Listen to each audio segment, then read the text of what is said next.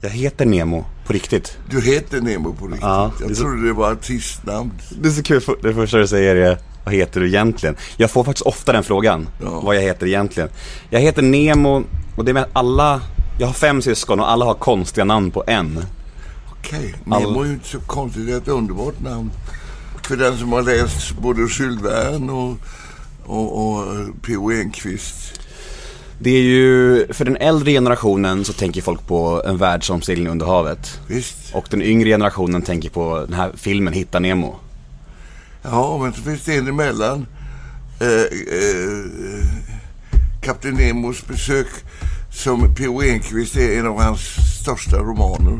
Aha. Som, som syftar på eh, Kapten Nemo, alltså på, på världsomsegling under havet, Nemo. Så man kan säga att det finns tre stycken Ja, Nemo-referenser. Ja.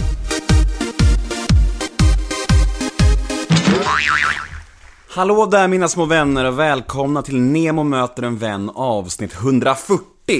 Eh, denna veckas gäst är ingen mindre än legenden Sven Volter. Men först vill jag bara säga att nu är biljetterna till livepodden släppta. Jajamän. Livepodden som kommer äga rum den 19 september på Mosebackes stora scen i Stockholm. De kostar 200 kronor styck och eh, de finns på södrateatern.com snedstreck Nemo möter en vän.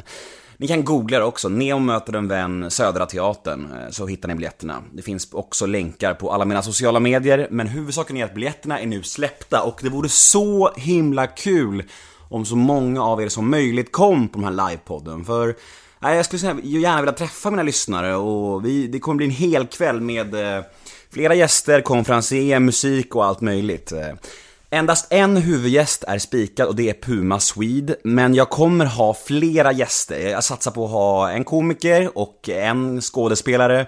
Så jag får en skön blandning, lite sköna kontraster så att det verkligen blir en magisk helkväll. Så in på Södra Teaterns hemsida nu på en gång och eh, liksom fixa er biljett på en gång. För de bästa platserna har redan rykt, så om ni vill ha en bra plats, det är numrerade platser för övrigt, så om ni vill ha en bra plats så haffa er biljett nu på en gång. 200 kronor, 19 september, det är en tisdag, 19.00 på Mosebacke. Men åter till dagens podd då. Sven Volter, ja, det är ju liksom en av de största vi har i det här landet. Det är verkligen en gigant. Och det var... Jag åkte till eh, Stenungsund som ligger på västkusten och satte mig på en pizzeria, eller en restaurang typ, med eh, Sven Volter. Så det blir väldigt casual stämning i den här, i den här podden. Det blir liksom så här, lite salongsstämning kan man säga. Vi sitter på en fin restaurang, slash pizzeria, eh, i Stenungsund, precis vid hamnen och pratar om ja, hela Svens liv helt enkelt. Det, var, det var en ära att få träffa honom faktiskt. Det, jag var helt tagen efter, för han är majestätisk, han har så jävla häftig röst liksom och han... Nej, när han pratar så lyssnar man verkligen, så ja, jag hoppas ni kommer gilla det här också, för jag tyckte det här var en riktigt, riktigt häftigt avsnitt, så ja. Jag heter Nemo Hedén på Twitter och Instagram, hashtaggen är NEMOMÖTER. Har du några frågor eller önskemål gällande podden eller vad som helst, mina föreläsningar eller vad som helst, så skicka dem till nemohedén gmail.com Eller gå in på min hemsida, www.nemohedén.se den här podden klipps av Daniel Eggemannen Ekberg och presenteras precis som vanligt av Radioplay. Men nog om mig, dags för Nemo möter en vän avsnitt 140. Gäst Sven Volter. Rulla jingeln. Nemo är en kändis, den största som vi har. Nu ska han snacka med en kändis och göra honom glad. Yeah! Det är Nemo är en kändis, kändis. den största som vi har. Nu ska han snacka med en kändis och göra honom glad. Yeah! Då kör vi igång. ja, visst, kör. Nemo möter en vän med Sven Volter. vad kul, vad trevligt. Tycker jag med. Jättetrevligt. Hur är läget? Ja, jag får nog säga att det är väldigt bra läge. Jag har ingenting att klaga över. Eh, jag slutade jobba på teatern i, i, i oktober förra året. Och sen dess har jag hunnit vara... Min hustru pensionerade sig samtidigt. Eh, och vi har hunnit vara en månad i USA och hälsa på min syrra som bor där. Och sen har vi tillbringat hela eh, april och maj eh, i Italien. Eh, Fick eh, ett jättebra eh, läge på en lägenhet som vi fick hyra i ett område som heter Cinque Terre. Lilla stan heter Monelia. bodde vi två månader med ett par kompisar som är härifrån Stenungsund för övrigt. Har du talat om för lyssnarna att vi sitter i Stenungsund? Nej, jag skulle komma till det. Det skulle vara min första, min första ämne. Vi sitter ju faktiskt i Stenungsund. Vi sitter på en pizzeria är det va? Nästan. Ja, det är i alla fall en liten sån där kvarterskrog. Alldeles vid stationen. Ja, precis. Eh, Alldeles till stationen och du mötte upp mig här och det känns skithäftigt faktiskt att, att, eh, att man kan göra så här. Det är liksom så här samtidens media, mediafenomen. Man kan åka och möta upp folk så här bara och spela in en intervju. Det är Det fantastiskt. är underbart nu med den moderna tekniken. Ja, verkligen. Tidigare så hade reportrarna liksom en stor nagra och massa band och, och tidsbegränsningar. Men nu är allt digitalt, inte sant? Digitalt och väldigt fritt. Ja, det är så här, jag det kan komma här och möta upp dig och vi Det är kan... likadant med filmen, vet du. Nu, tidigare man rullar, men jag har ju hållit på att göra en film just eh, där man har alltså digital. Det är alltså små kort va, som man kan spela in i 13 minuter tror jag det var. De sa. Men du kör på. Eh, Visst, du kommer väl köra liksom, du vill inte sluta helt med teatern och filmen? Alltså jag, jag kör inte på. Nej, Men om det, om det är en hygglig, ett hyggligt gäng som säger vi skulle vilja ha med dig i den här filmen några dagar. I det här fallet är det åtta arbetsdagar för mig. precis, det var det jag menade. Ja. För du sa att du skulle spela in och då tänkte jag så här, han kör lite grejer än. Så här. Jo, jo, men då, då tar jag det som rena avkopplingen. Ja, jag fattar, jag fattar. Jag, jag, det är liksom lite grädde på moset. Filmandet har alltid varit en slags, en slags eh, bonus på det övriga arbetet. Teatern har varit det centrala, det som jag lever på, det som jag engagerar mig riktigt djupt i. va. Det har varit mitt liv helt enkelt. Vid sidan om familj och sånt där. Men det har varit mitt liv och, eh, och, och filmen är, är, liksom en, eh, en, en bingo. Nu fick jag en film för vad skoj. Jag tror att det är så för alla svenska skådespelare. Vi har ingen filmskådespelarkader. Va? Om du- om du- Vi måste ju räkna bort Stellan Skarsgård och, och så som har övergett Sverige för Hollywood. Och det är okej, det är okej. Men vi andra, vi jobbar med teatern så får vi en filmroll då och då. Och Det är svårt att försörja sig på bara film menar du? Det är lika svårt att förstöra sig på bara teater som är jävligt dåligt betalt. Men, men, men Kombinationen man- funkar, kombinationen ja, funkar. kombinationen funkar alldeles lysande. Ja, vad härligt.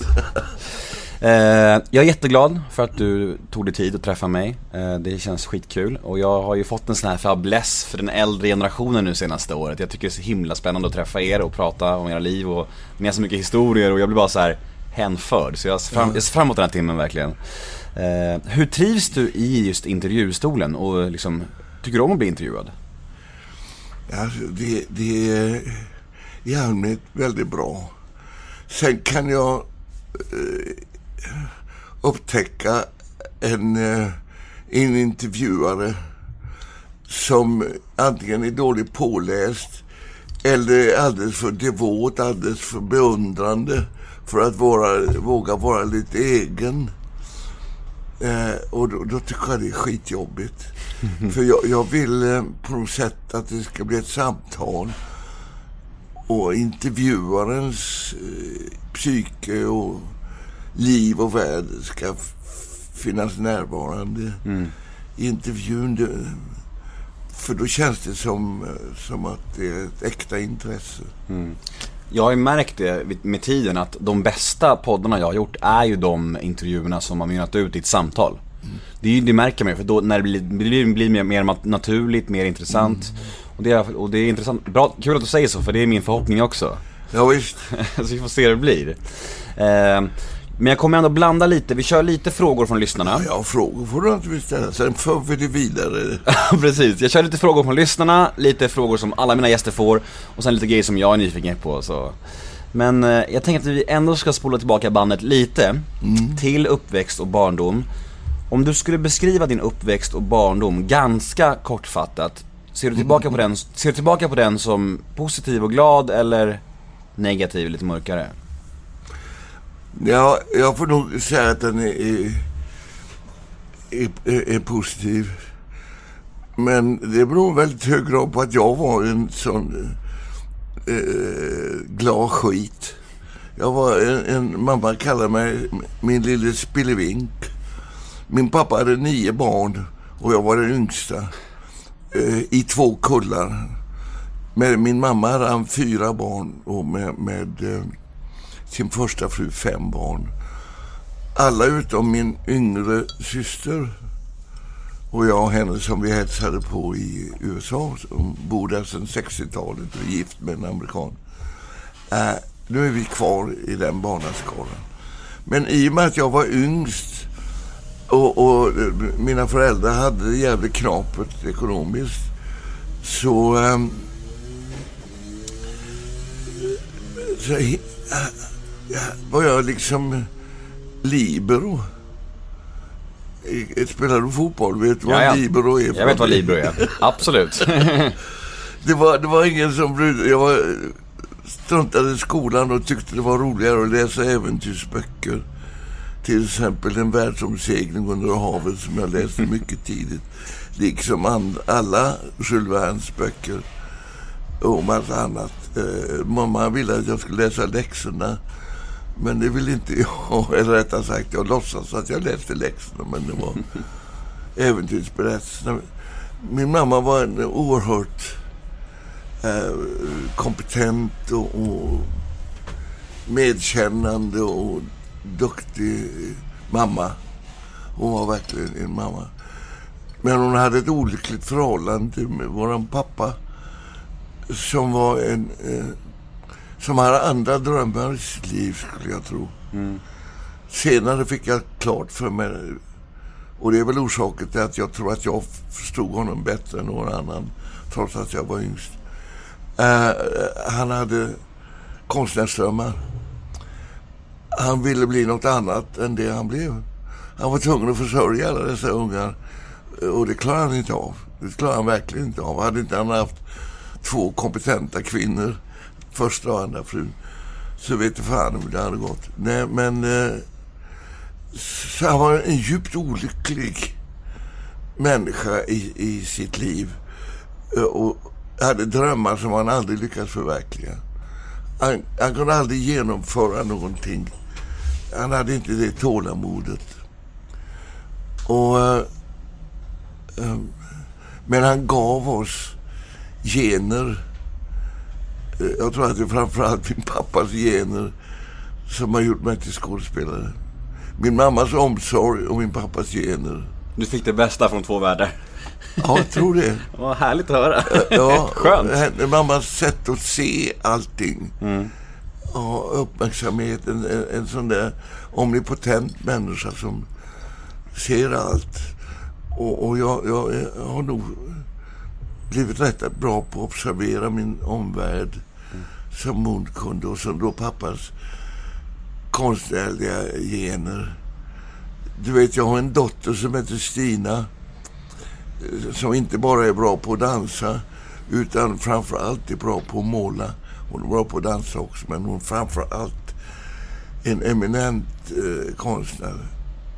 Och, och, och har snart en utställning igen för övrigt. Men, men så jag tänkte länge att jag skulle bli målare. Jag halkade in på det här med skådespeleri när jag var 19 år gammal. På en, på, ja, på en eh, liksom bananskal helt enkelt.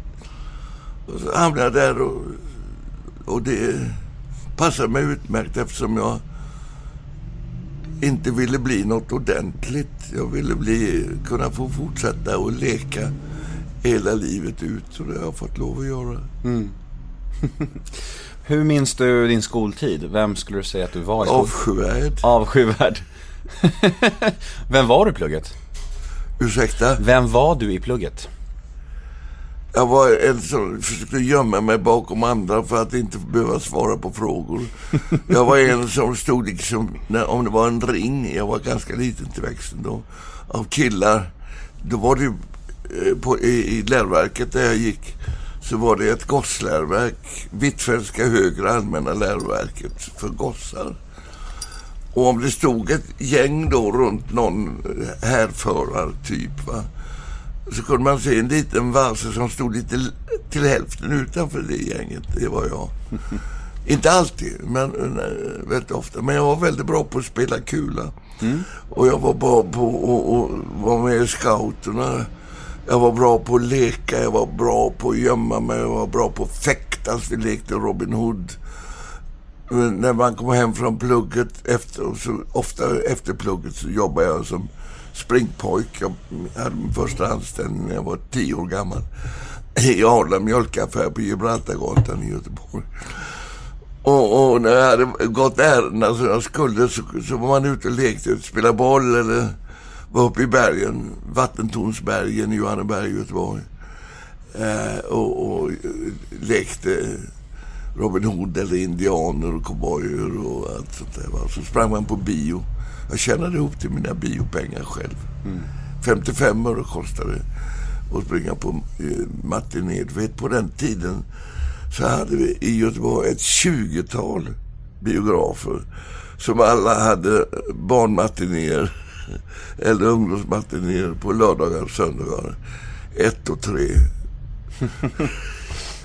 Och eftersom jag brukade få 25 öre i dricks av de snälla tanterna. För jag var bra på att vara snäll, vet du. Jag har en, sån, och ha en oskyldig uppsyn. Du har Så ju, hade jag snabbt tjänat ihop till biobiljetterna. du har ju en väldigt snäll och varm uppsyn även idag, måste jag, måste jag säga. Skulle, du- skulle, ser du dig själv som en, en snäll, alltså en snäll Ja. människa? Det är ju inget yrke i och för sig att vara snäll. Man kan önska det att det hade varit det kanske. Nej, alltså jag, jag, jag kan allt bli förbannad. Och jag har kunnat eh, riva i när vi haft eh, konflikter som jag tyckte varit viktiga. Men där är jag, däremot är jag inte så långsint.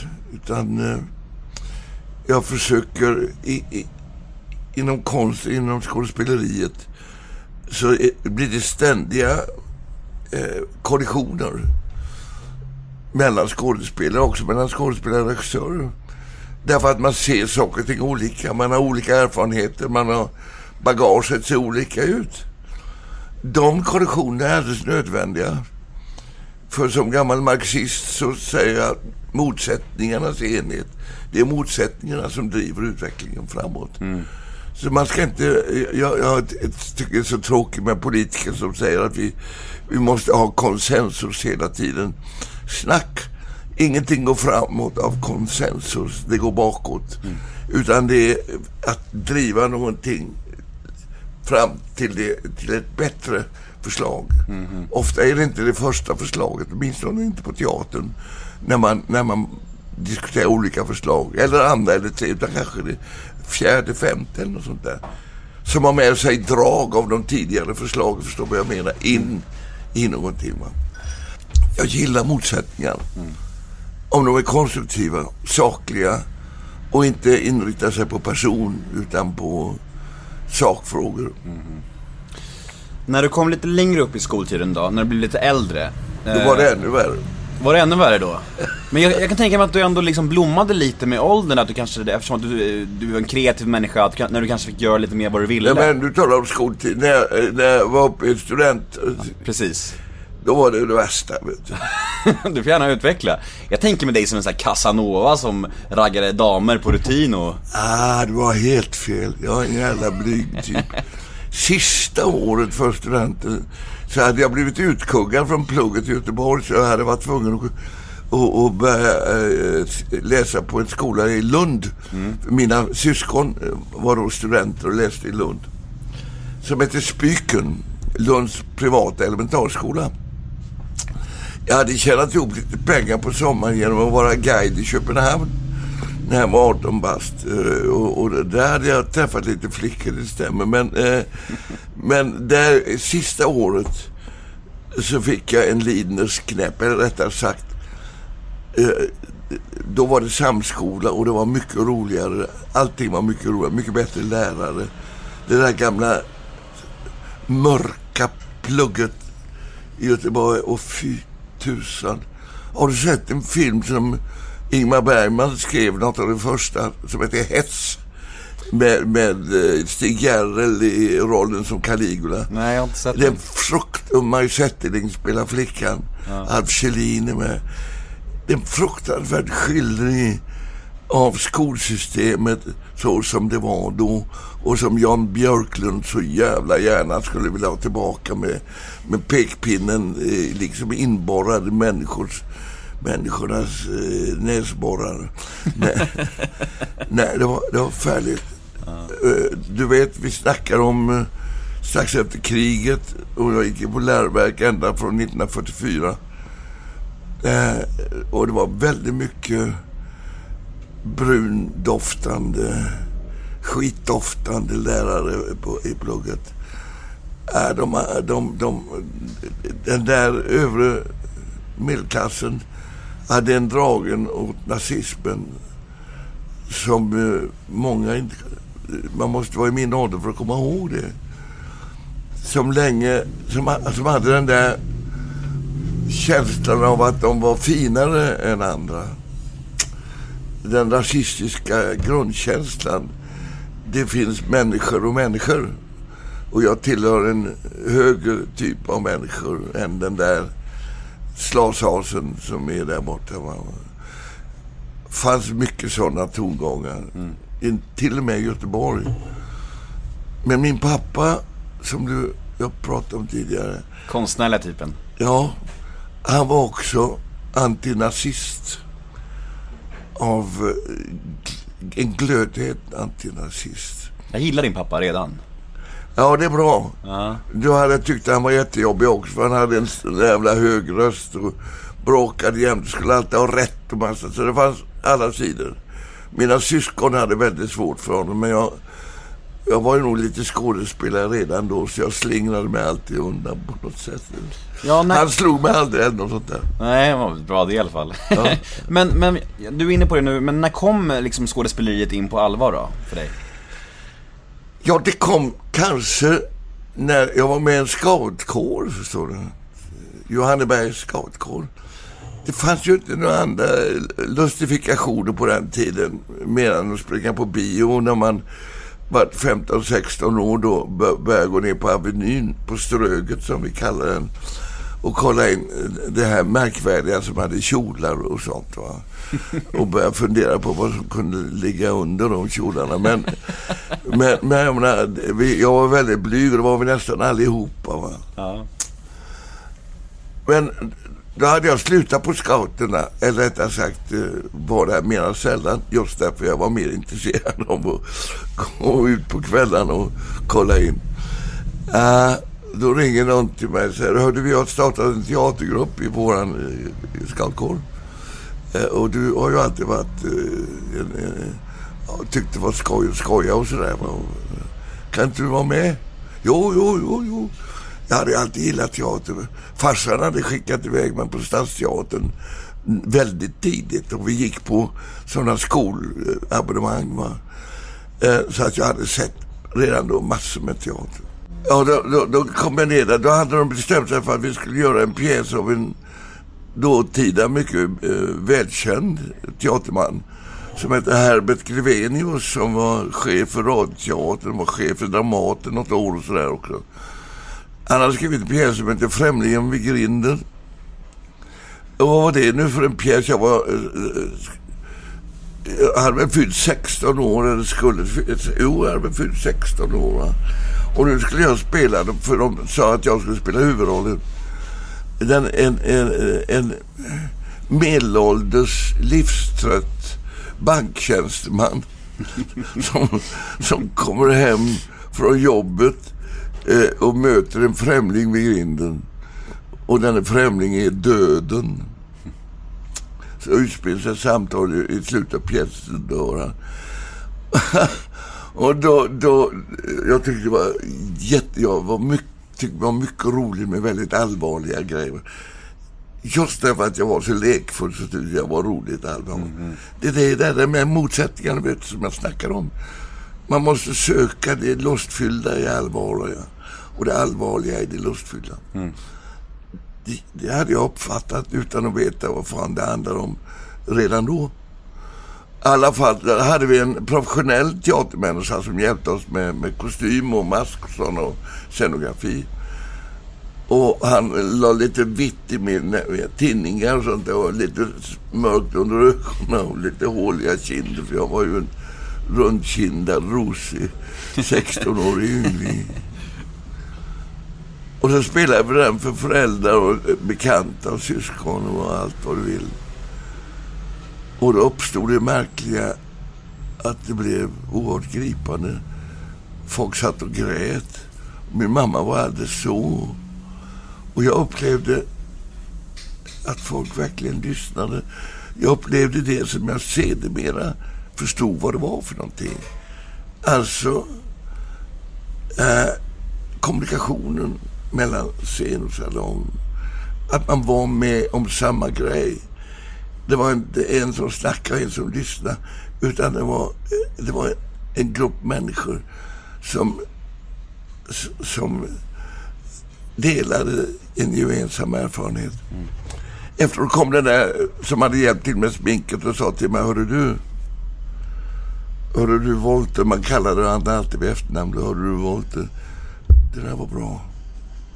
På allvar liksom såg i hans ögon att det var, det där var bra. Om jag var så du skulle jag fundera på att ägna mig åt det här. Mm. Men jag ville hellre måla.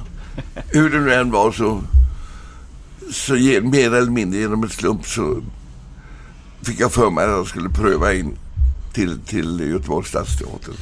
Kän... Och kom jag in med en gång så att det var, det var ingenting att snacka om. Det känns ju som att du ändå hade en fallenhet för det direkt, skådespeleriet och teatern. Var det så du upplevde också, att ja, du var en talang liksom? Jag kallade det inte för talang, men det var någonting som stämde. Mm, det klickade liksom? Det är först senare som jag... Jag har förstått när åren har gått och, jag, och, och folk inte har tröttnat på att engagera mig till olika grejer så har jag förstått att jag nog besitter någon sorts begåvning. Mm. Och Karin Kavli, en, en gammal chef, du, du har, kommer inte ihåg henne naturligtvis. För det var ett tag sedan hon dog. Hon var chef, en stor skådespelare. Går du in i, i, i på, på uh, Google så får du en lång lista av Karin Kavlis göranden och låtar. Hon var chef. Hon, hon, hon gillade också unga pojkar. Hon gillade mig. jag kan göra det ikväll på hotellet. Jag har lite tid att döda då. Så jag kan ju googla på Karin Kavli ikväll. Ja, gör det. Jag, jag hittade eh, ute på landet några gamla tidningar från 30-talet. Då är hon stor stjärna som mm. skådespelare. Alltså. Mm. Min, har du någon sekvens i livet där du känner att fan, det här är jag bra på. Det här kommer, jag kommer kunna försörja, försörja mig på det här. Liksom. Jag, liksom här, har, har någon så här som du upplevde var ditt genombrott? Det är så här. Du ställer en bra fråga därför att äh, länge, du vet i början på 50-talet, jag kom in 53 alltså när jag var 19 länge. Eh, min pappa var då död. Han dog. Eh, så han fick alltid se den där den där ja, eh, främlingen vid grinden. Är det inte lite sorgligt tänker jag? Ja, lite sorgligt. Kan inte du känna en liten sorg över att din pappa inte fick uppleva din framgång? Mycket stor sorg. Den, eh, den blev på sätt och vis större ju mer jag började förstå vad farsans livsöde egentligen hade, hur det egentligen hade varit när jag hade blivit lite äldre. Kunde tänka, tänka efter och snacka med, med mina syskon och med andra och med morsan. Och jag började förstå. När, när jag hade gjort Raskens något år efter och, och, och hysterin var som värst och det hade stått något snällt i tidningen så sa mamma det här hade pappa gärna velat vara med om. Och det förvånade mig eftersom deras förhållande varit så, hade varit så hårt. Och hon hade inte pratat om pappa på flera år. Det här hade pappa velat med. Så jag blev, jag blev alldeles andlös. och sa, hur menar mamma då? Man kallade inte sina föräldrar för du på den tiden. Hur menar mamma då? Jo, förstår du, Svente lille. Hon kallade mig för Svente. jo, förstår du, Svente lille. Jag tror nämligen att det var skådespelare som din pappa hade velat bli i hela sitt liv. Fast han inte sa det. Det där tog nästan andan ur mig.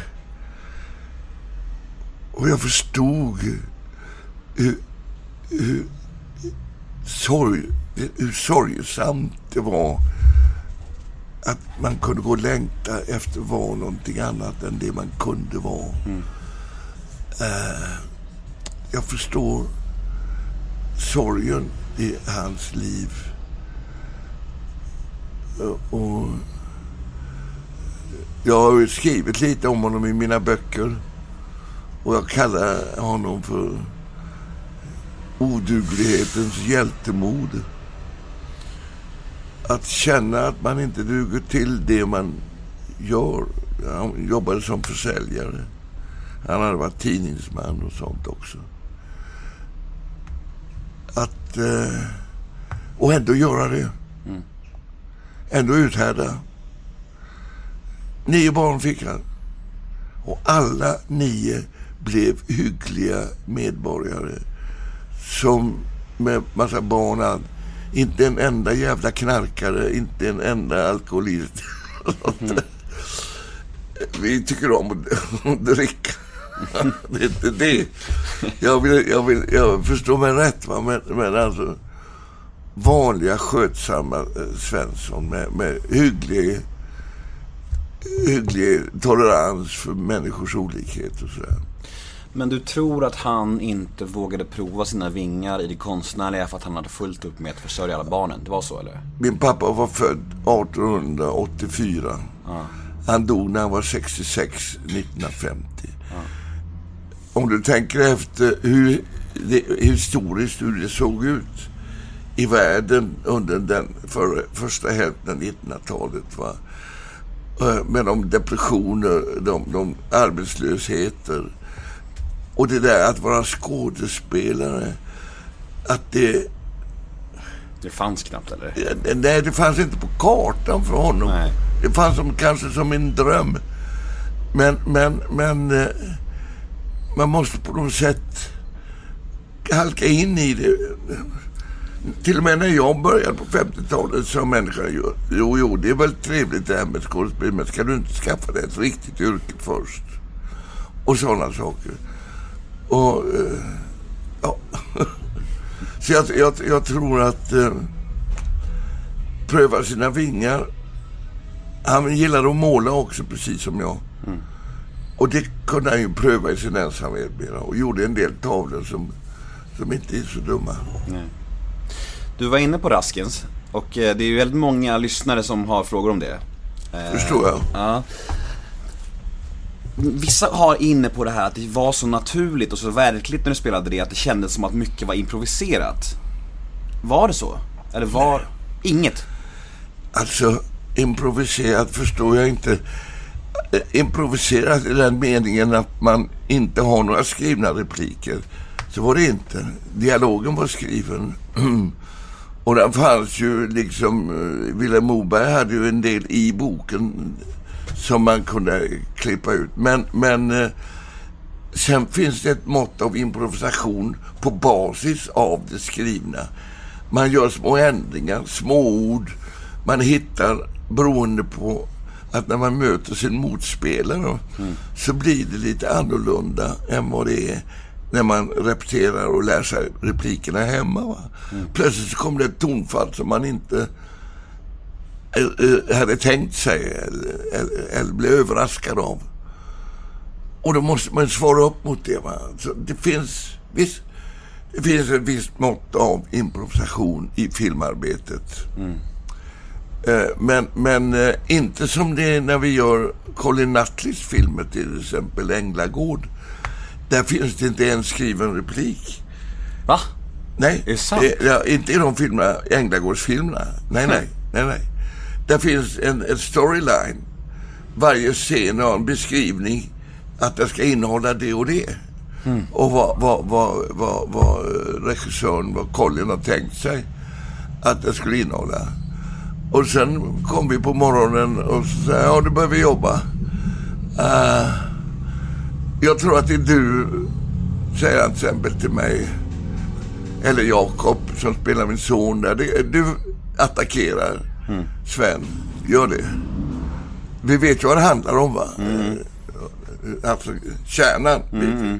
Men orden får vi hitta på själv. Jaha, så han kan bara slänga in två i en scen och säga så här, ja ni ska bråka om att han har glömt att köpa mjölk, kör, ungefär så. Ja, fast han säger inte kör. Nej men jag fattar, men du fattar vad jag Nej, menar? han säger det. Det är sant. Och så repeterar vi. Och sen så putsar vi på det. Så blir det en dialog va. Eh, vad fan har du inte köpt mjölk för? Nej, men du gav mig ju inga pengar. Gav jag dig inte några pengar? Du fick ju 3,50 igår. Det ska räcka. Jo, jag köpte en kexchoklad. Ja, ja, ja, ja, ja, men då får du väl ska skaffa pengar. Ja, Jag fattar, jag fattar. Eh, så kan man lägga upp. Det var ju så det hände, vet du. Och då så steg vi ju in i våra roller på ett sånt sätt så att vi kände att vi kunde få språket till att stämma med våra gestalter. Det fanns en negativ grej. Vi skådespelare tycker in i helvete mycket om att prata och ha långa repliker. Så det kunde bli för tjafsigt ibland. Och då fick Colin säga att ja, men, ja mm, det är bra, vi har hört det här nu, men försök komprimera lite grann. Alltså. Tror du att den här improvisationsgrejen som Colin sysslade med, eh, han kanske alltid gör det, eller är det bara Det, Ängelgård? det, vet jag, det vet jag inte för han alltid gör det. Men han gillar ju inte att snacka eh, svenska va. Nej. Så, så jag, jag kan bara svara för de filmer jag har varit med i. Tror du att det var en del i Änglagårds framgång? Ja, det tror jag säkert att det var. Eh, den charmen, den, den naturligheten som, och den avspändheten som vi alla kände. Att eh, allting kunde hända. Eh, Det tror jag avspeglar sig i resultatet. Ja. Och så hade vi ju Ernst Günther som vid det laget inte kunde lära sig några repliker. Och han, han, det passade väldigt bra för honom. För han behövde inte plugga någonting utan det, det kom det som kom. Vet du.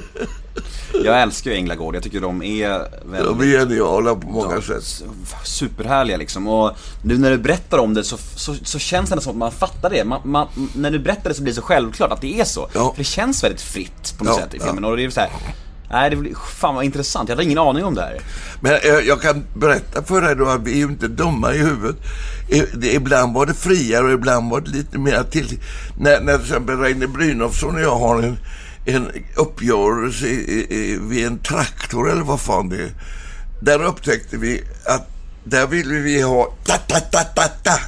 Det skulle klippa i vartannat va. Och där, där skulle han liksom gå segrande ur det där. va. Och då, då jobbade vi jättelänge och, och så la vi det väldigt fast. Det var en sån scen. Vi hittade på replikerna själv. Men vi, vi lärde in dem som om det hade varit ett vanligt manus. Eftersom vi pratar om Änglagård och eftersom att jag har eh, ett stort fan av filmerna. Jag skulle så gärna vilja vi- veta lite mer om det projektet, om den inspelningen. Det är ju tre filmer, men, men liksom, kan du berätta lite om hela den, hela det projektet och hur du hamnade i det och jobbet med de andra och kemin och så här och... Ja, mig tänka nu. Uh, jag kände ju Helena långt tidigare.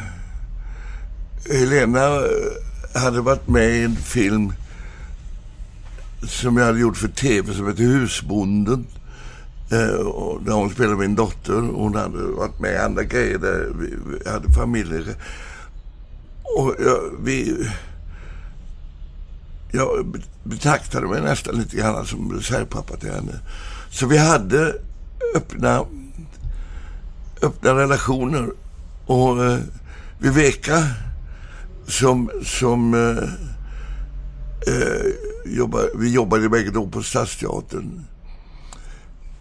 Och jag som höll ihop då, Viveka Seldahl, eh, eh hon kände också Elena och... Jag vet inte tusan hur det kom sig. Vi, eh, Colin hade ju gjort Nionde kompaniet först.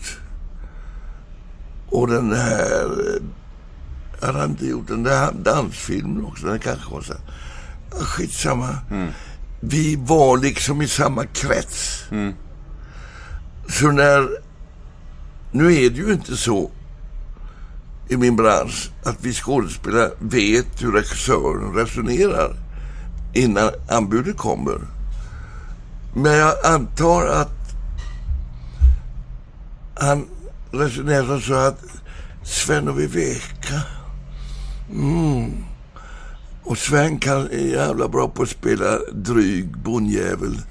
Det, det tror jag. Jag har spelat sån där tunga gestalter, vare sig det varit Shakespeare eller annat. Och undrar ifall inte Viveka skulle kunna göra en, en sån där en sån där lite eh, bitchy fru. Hon har nog det, ja. Jag skulle ta satt och resonerade sådär. Och så kom de till oss och vi sa ju naturligtvis ja direkt. Ja, för tusan. Tycker, Men det var så förstår du att vi visste inte vad det skulle bli någon film. Vi visste att Göteborgs TV var intresserad av manuset och, och hade ställt sig bakom så att det skulle kunna bli någonting för TV, några avsnitt. Det var så, det var vad vi visste. Vi visste inte att det skulle bli långfilm. Det visste vi först när vi hade gjort det mesta. Och, och, och eh, han hade börjat klippa ihop det. Och, och, och, folk hade börjat titta på det lite grann och de började upptäcka och det här är nog inte så tokigt i alla fall. Va? Så... eh, Ja, för sånt vet man inte när man gör, alltså jag tänker så här. Det blev ju en supersuccé. Ja. Kan, kan, Det man visste veta vi sånt? inte. Nej men hur är det med sånt? Kan man någonsin känna så här att det här kommer nog bli stort? Eller vet man aldrig sånt? Alltså, grejen är den. Om du sitter och säger till dig själv medan du jobbar, det här kommer bli stort. då är du ute och reser. Så Jag förstår. du måste jobba enbart med det du vill berätta. Du måste tro på historien. Men för det blir en stor film, för den ses av 100 000 eller 500 000 eller en miljon. Det kan du inte spekulera i. Nej. Du måste... För gör du det, då är det, då är det risk att du börjar plocka in grejer som du tror ska vara säljande. Och det är döden i köttgrytan. Men man kan, väl, man kan väl ändå ha en bra och dålig känsla angående inspelning? Ja, vi hade ju förfärligt roligt. Colin eh, hade eh, fixat en cateringfirma så vi hade alltid god mat. Och vi spelade in, vi bodde på ett hotell i Ulricehamn. Och spelade boll på kvällarna och vi var människor som gillade varandra. Och när vi gjorde andra filmen var, var det ju VM i USA, tror jag. Det var väl andra filmen, eller var det första? Första gjorde vi ju 93, tror jag. Och VM i USA var väl 94. Yes, precis. Så det var något år sedan. Skitsamma. Men tycker du, att, eh, tycker du att den tredje filmen nådde upp till ettan och tvåans kvalitet? Om du ska vara ärlig. Om du ska nej. vara ärlig. Nej, det tycker jag inte. Men då är det samtidigt svårt att veta vad kvalitet är för någonting. Jag tycker eh, den första filmen är överlägsen de två andra. Jag tyckte redan andra filmen hade vissa problem med den här utfärden till USA och sådär va. Och tredje filmen har det också. Men, men eh, då ska man ju jämföra med någonting, då jämför man ju med någonting som var superfräscht. Och, och, och, eh, vi alla jobbade ju precis lika ambitiöst som vi hade gjort de första gångerna. Men storyn kanske inte var lika spännande. Jag vet inte. Jag, jag har så väldigt svårt att Spekulera om det. Eh, Ja, och, och det jag har varit med i försvarar jag till sista blodsdroppen. Så det är klart att det var olika. Men folk tycker så jävla... Och du tyckte ju bra om allihopa. Ja. Se där. Ja. Det räcker för funkar, mig. Ja, precis. Uppenbarligen funkar det ändå. Så. Nej, jag vill absolut inte ta ur dig det ur dig. Det vill jag inte. Jag tyckte det var roligt att göra dem alla tre. Ja. Let's just leave it there. Och, och, och det roliga med den tredje för mig, det var ju mötet med, med uh, Tor Pettersson. Som i de andra två tidigare filmerna hade vi ju inte mött särskilt mycket. Där hade snarare haft en antagonistisk hållning. Nu har vi ju fortfarande, nu är vi ju två gubbjävlar som sitter där och mäter varandra. Och eh, båda två inbillar sig att de är farsar till Helena Bergström. Va? Och det tycker jag blir rätt roliga scener måste jag säga. De var i alla fall väldigt kul att göra. Till slut så bestämmer vi oss för dubbelt faderskap. Det var faktiskt min idé. Är det sant? Att, ja, ja, jag kallar, så jag kallar det för dubbla faderskap. Tyckte det var skitkul. Du, jag vill prata lite om Mannen på taket. Gärna. Mm, jag såg om den inför den här intervjun och eh, det var någonting som slog mig att den, är, den känns tidlös. Ja. Alltså det är ju väldigt speciellt för att filmer fr fr från den tiden, eh, det kan lätt bli så att de blir lite fjantiga efter så lång tid. Att det inte, det otäcka försvinner. Men den är fan jävligt otäck och jävligt bra än idag. Och jag, jag vill gärna prata lite om den bara, liksom, hur, den- hur, hur minns du det projektet och, och vad tycker du om den filmen och sådär? För att jag tycker den är briljant. Jag tycker den är underbar. Det, det tillhör de absolut bästa grejerna jag varit med om att göra. Uh, Bosse Widerberg måste man säga någonting om då. Bosse ville ju ha liv i sina filmer. Han var underbar för oss skådespelare. För han var lyhörd och där kunde man känna om man hade någonting som kom. Va? Snacka om improvisation. Det kunde hända där. Va? Så, fick, så behövde man inte hålla tillbaka det utan eh, han uppmuntrade det. Trots allt hade vi naturligtvis en manus. Eh, han, eh, han var oerhört inspirerande att jobba med. Men i den filmen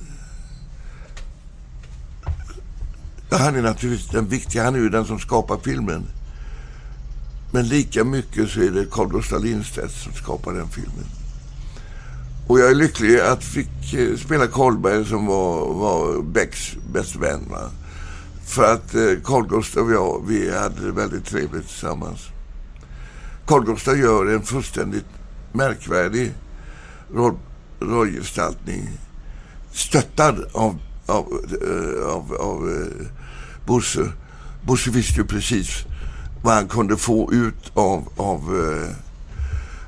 av eh, eh Carl Gustaf. Eh, och han visste vad han kunde få ut av mig. Va? Han visste att jag var pacifist som Kolberg är eh, och, och, och sådana grejer. Va? Eh, han visste att eh, jag skulle tycka det var roligt att ha Eva Remeus som fru och ha den där morgonscenen. Det tyckte han. han var, han var oerhört inspirerande där. Och, men det var ju Carl Gustaf som gjorde filmen. Eh, tycker jag. Eller låt oss säga, jo, det är kanske fel att säga det därför att vi gjorde den allihopa. Carl Gustaf betydde oerhört mycket för mig. Men det gjorde Håkan Särner som spelar Rönn. Va? Det gjorde Folke Hjort. Det gjorde eh, Thomas Hellberg. Och, och gänget. Jag blev ju kompis med snutarna där va. I pauserna. De som ligger där nere och blir skjutna i, vid, vid eh, eh, där i den brunnen liksom där. I pauserna så snackade vi ju, spelade lite kort och sådana här grejer va. När vi, det, för, det var långa pauser när, när vi skulle, när folk höll på att samlas på Odenplan för den här helikoptergrejen va. Eh, jag tror att jag fick den filmen som spelades in spelades inte den in 76? Du önskar att jag hade koll på kan jag säga. Jag tror det. Ja. Jag tror att jag fick den på grund av rasken. Mm. Jag tror jag var populär då med, med, med rasken. Du var i ropet, om man säger. Ja, och uh, Bosse är ju är inte dum på det sättet. Va? Va- eh, Tommy hade ju alltid varit hans favorit. va. Tommy är inte med där och jag tror att de hade en liten en tid av lite motsättningar just då. Så att då hade jag turen att få göra göra Kolberg. Så det finns en gräns, det här med motsättningar mellan skådespelare och, och eh, regissörer. Man, man, man, ska ha, man ska krocka lite som du sa i början, Ja. men det ska inte gå för långt. Då kan det bli... Nej, det, alltså då är det... Nu är det en jäkla skillnad på film och teater. Va? Filmen är regissörens konstart i första hand. Det är han som vet vad han vill använda av skådespelarens material. Va? Vi spelar ju in och vi vet ju inte ifall den scenen som vi spelar ens kommer med i bild. Va? Den kanske är tipps bort eller klipps sönder eller ner. Va? Teater, det är min konstart. Den har jag fullständig koll av, över. Där kan inte någon regissör komma och säga till mig du ska stå på huvudet. Säger jag varför det? Jag står på huvudet när jag vill att stå på huvudet. Va? Kom inte med några jävla dumheter. Låt oss resonera om vad som är bäst. Va? Där har jag en, en...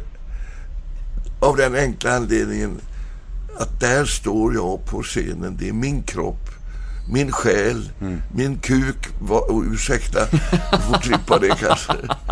Som, som står på scenen. Inte regissören. Nej, jag fattar.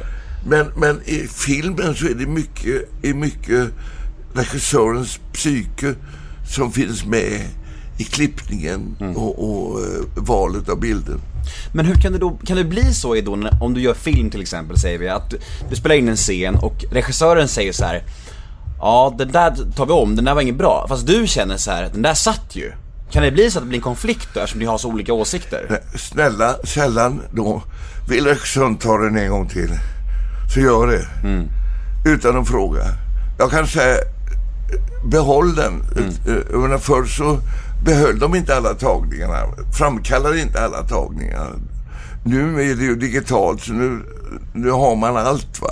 Fast om du anser att det är katastrof då och regissören säger ja den där är bra, alltså tvärtom. Är det, hur, jag skulle komma till det. ja. Det, där har vi ett problem.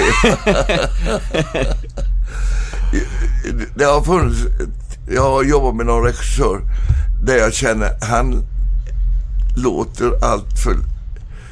Han, han har bråttom hem, han, han är lat, han vill inte jobba så mycket som jag vill jobba.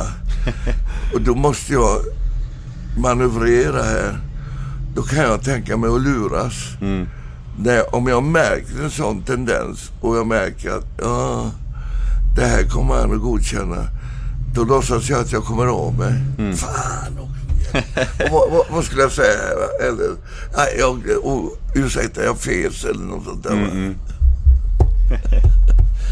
Du, du blev utnämnd till Sveriges sexigaste man 1987. Är du avundsjuk? Det år, samma år som jag föddes. Jag föddes det året. Ehm, Så, så jag, klart, är jag är avundsjuk. Alltså jag tänker så här. Det var vad jag brukade fråga mina, mina eh, kamrater som, som drev lite med mig inför det här. Så, ni är väldigt avundsjuka. Men vad fan, att bli utnämnd till Sveriges sexigaste man. Jag tänker att, vad fan gör det med ens ego? Ja, inte mycket med mitt ego eftersom jag tyckte hela grejen var ganska fånig. Eh, och jag sa det också i, i media att eh, eh, tänk efter nu här lite grann. Sveriges sexigaste man. Man är ju sexig i förhållande till den som man har ett förhållande. Sexet är någonting som pågår mellan två människor i, i, i intima stunder. Det är inte någon offentlig handling. Va? Eh, om jag spelar, jag hade gjort ett par kärleksfilmer då va? Och, och, och, eh, och så. Eh, så, så jag förstod vad det baserade sig på. Publiken såg mig så. Och då, då, eh, Då menar jag, då menar jag på att, eh, då säger jag offentligt att, att det här, det här handlar om någonting annat. Det här handlar om vad folk kan tänkas tycka om för sorts manlighetstyper. Va? Och då hade min dåvarande fru Viveka Seldal sagt till mig när jag sa till henne, jag, jag, jag, jag tror inte jag ställer upp på några intervjuer. Jag tycker det är lite fånigt. Va? Jag vill vara sexig i förhållande till dig och vi har det bra så det behöver inte poängteras. Då sa hon, nu är du lite dum, sa hon till mig. Hur menar du då? Jag tror inte alls att de här kvinnorna har röstat på dig därför att du är så jävla tjusig eller något sånt där. Va? Eh, utan de har nog röstat på dig därför att du är man. Därför att du är en man som står för någonting. Eh, och inte någon nå, nå sån här eh, lös i hullet typ som det finns så många av i våra kretsar. Så. Du har en ideologi och du har visat att du är karl för din hatt, sa hon till mig. Eh, nu låter detta som skryt, men det är sant hon sa det. Jag tänkte, herregud. I så fall ska jag ju... Ja, du har kanske rätt. Kvinnor är ofta lite mer intresserade av männens inre än av deras yttre. Och då ska jag inte vara sån, sätta mig på mina höga hästar och tycka att det är fånigt när nu ändå så många kvinnor för det var ett kvinnoprogram som det här. Det var ett program som hette Sköna Söndag. När de gjorde den här röstningen. Men jag kan säga som en liten rolig grej i marginalen. Att småningom skickade de eh, breven till mig. Alla som hade röstat på mig. Hur många brev var det? Ja, det, det, det kommer jag inte. Det var många. Ja. Men en försvarlig, det är en stor jävla bunt som kanske var av, utslagsgivande när det gällde eh, vem som skulle de välja. De var ju Hasse Holmér, Jan Guillou och jag som var med i slutsträngen. Det är en bra triv alltså. Vilken konkurrens! Ja, precis. Blö, blö, blödande konkurrens. Men då var det helt enkelt så att det var en jättebunt från Skatteverket i Gävle. Just då jobbade vi i Gävle. Och just då hade jag haft problem med en skatteskuld. Så jag hade varit uppe och gått på Skatteverket och morsat på alla tjejerna som satt där och frågat. Jag ska dit och dit, kan visa mig vägen? Och de hade varit så jättetrevliga och glada. Och sen hade hela Gävle Skatteverk röstat på mig. Det är väldigt kul. Konstigare var det inte. Om vi ska tillbaka till skådespeleriet då. Eh, vilken typ av roller tycker du är svårast? Eller vad har du tyckt genom åren? Att... svårast för en man är hjälterollerna. De, eh, de här unga männen, slätkammade unga männen som ska vara välanpassade. Eh, redan i Molières eh, litteratur finns det sådana. Jag spelade ett par, de var inte roliga att göra. Eh, så finns det hjälteroller som inte är slätstrukna. En av mina favoritroller är ju Cyrano de Bergerac. Han med den jättestora näsan. Och det var ju en, en, en, en hjälte.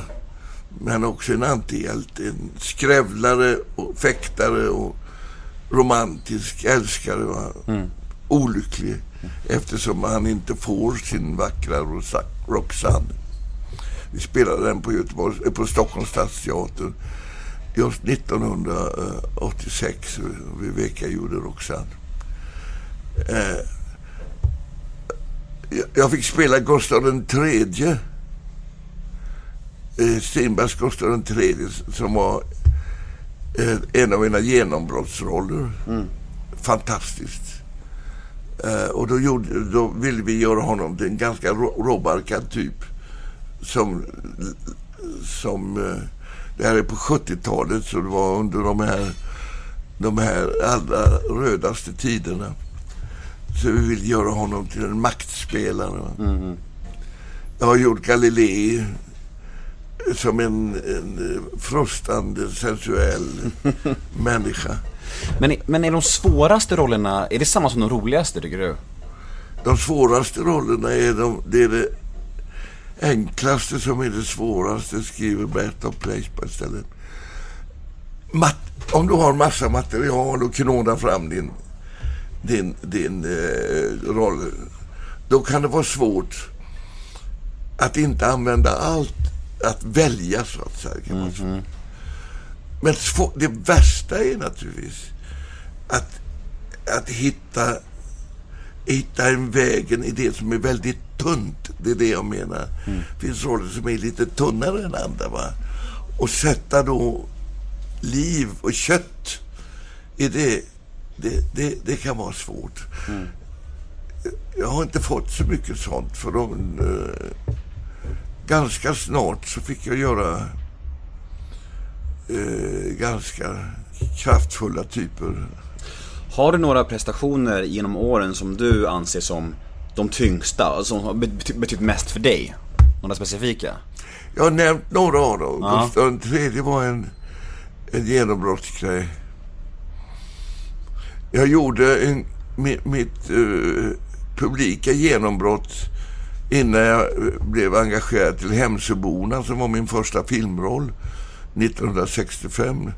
Då gjorde jag 1963 eller någonstans 64 en, en, en roll på Vasateatern i Stockholm mot tjej som heter Katrin Westerlund som tyvärr inte finns längre i en amerikansk komedi som heter Barfota i parken.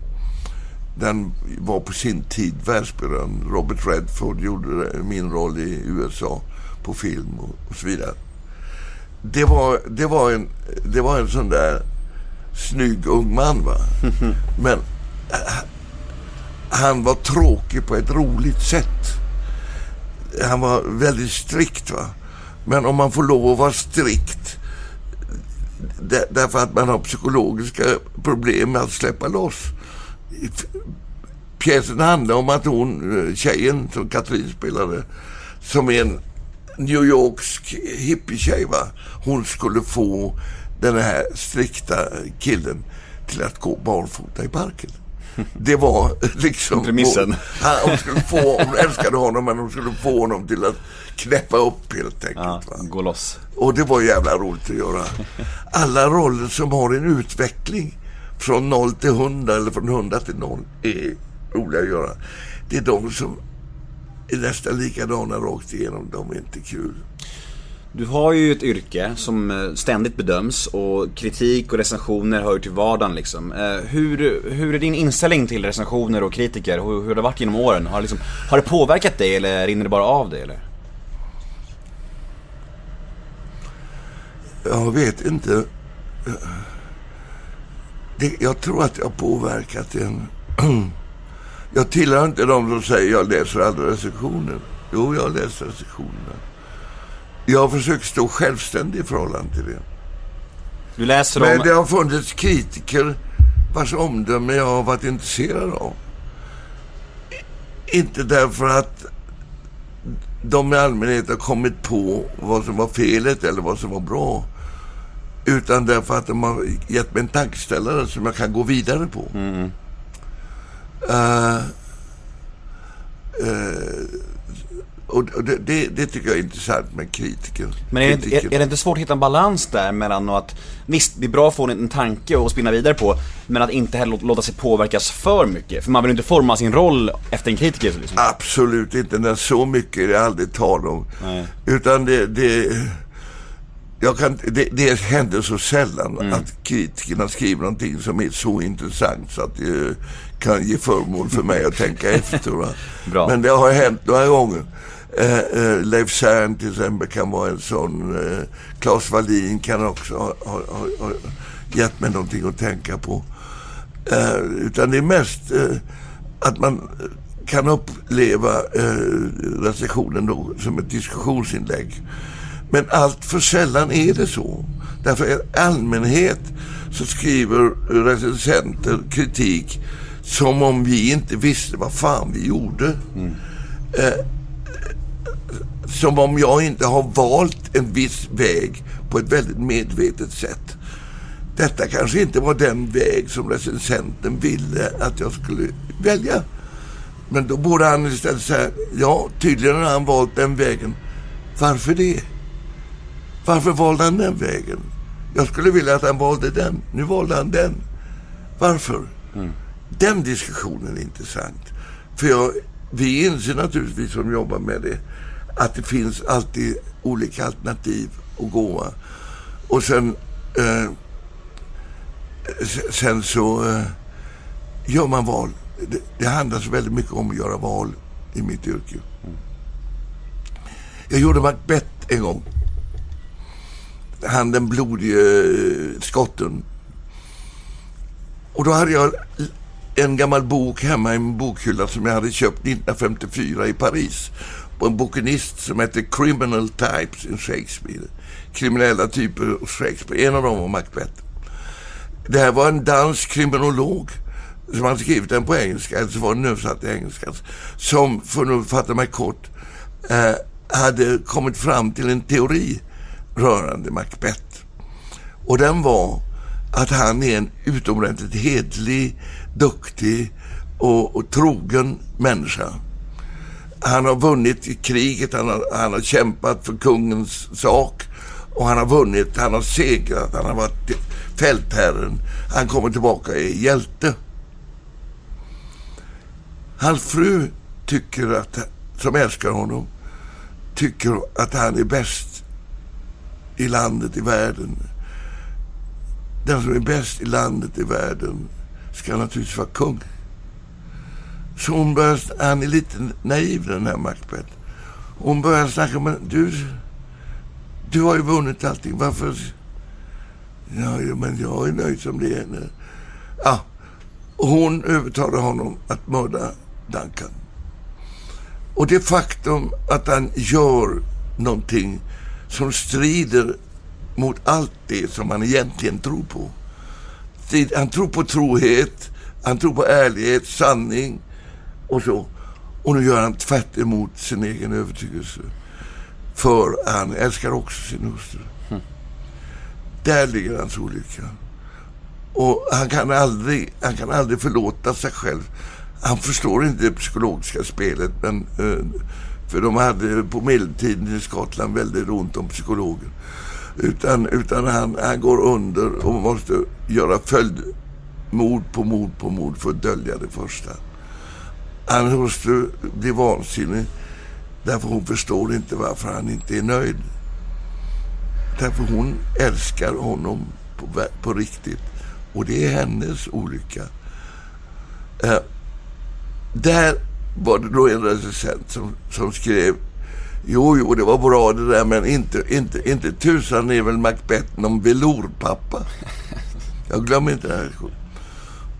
Och när jag inte sett den här grejen, eller så hade jag inte gjort det tillräckligt bra. Den möjligheten finns ju. Fast den tror jag inte på. det, men hon, hon hade inte sett det intressanta i att egentligen en mjuk kille blev mm, lite mm. teaterhistoriens hårdaste skurk. Va? Det var det, det jag ville gestalta. Det, det, det, är ju lite brist på kunskap sen. Ja, eller rättare sagt, det är så många recensenter som har bestämt sig redan innan, redan innan för vad ja. de vill se. Ja, och så får de inte se det. Mm. Och då, då är det något fel. Vi ska prata lite om barn nu. Gärna. Jag fick ju min första dotter för två månader sedan. Grattis! Tack så jättemycket. Väldigt stort. Eh, det är, ja, det förstår jag. Det är det häftigaste som man kan uppleva. Det vet ju du om, så det är fantastiskt. Ja, du vet. Hur gammal är du? Jag är 29 år och min dotter är två månader gammal. Så det är väldigt speciella tider. Eh, det första, I natt blir första natten som jag är ifrån henne. Eh, jag vet att du har flera barn eh, och jag har fått flera frågor om din relation med Stina. Eftersom att Stina har blivit väldigt populär nu senaste åren. Hon har ju, står ju för någonting som många kvinnor uppskattar. Hon är ju väldigt kroppspositivism, feminism och har en jävligt positiv anda. Och hon, det är väldigt många som beundrar henne. Och jag såg er tillsammans i, jag tror det var Nyhetsmorgon va? Var det Ja, det tror jag va. Och det var väldigt fin intervju där du, prat, du pratade om hur stolt du var över henne och du nästan grät. Det var så himla fint. Så jag ville, jag ville prata om hur, eh, din relation med Stina.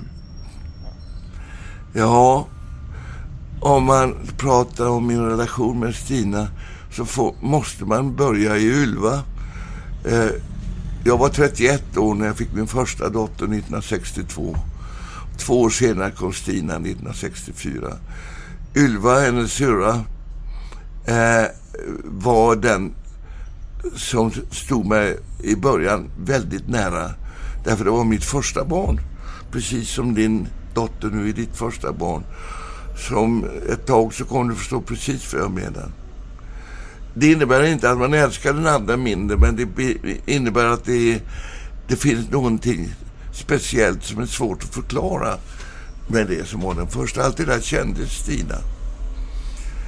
Eh, Ylva blev sjuk, hon blev svårt sjuk och levde inte längre än, eh, eh än till hon blev 30. Hon gick bort 1992, några dagar eh, före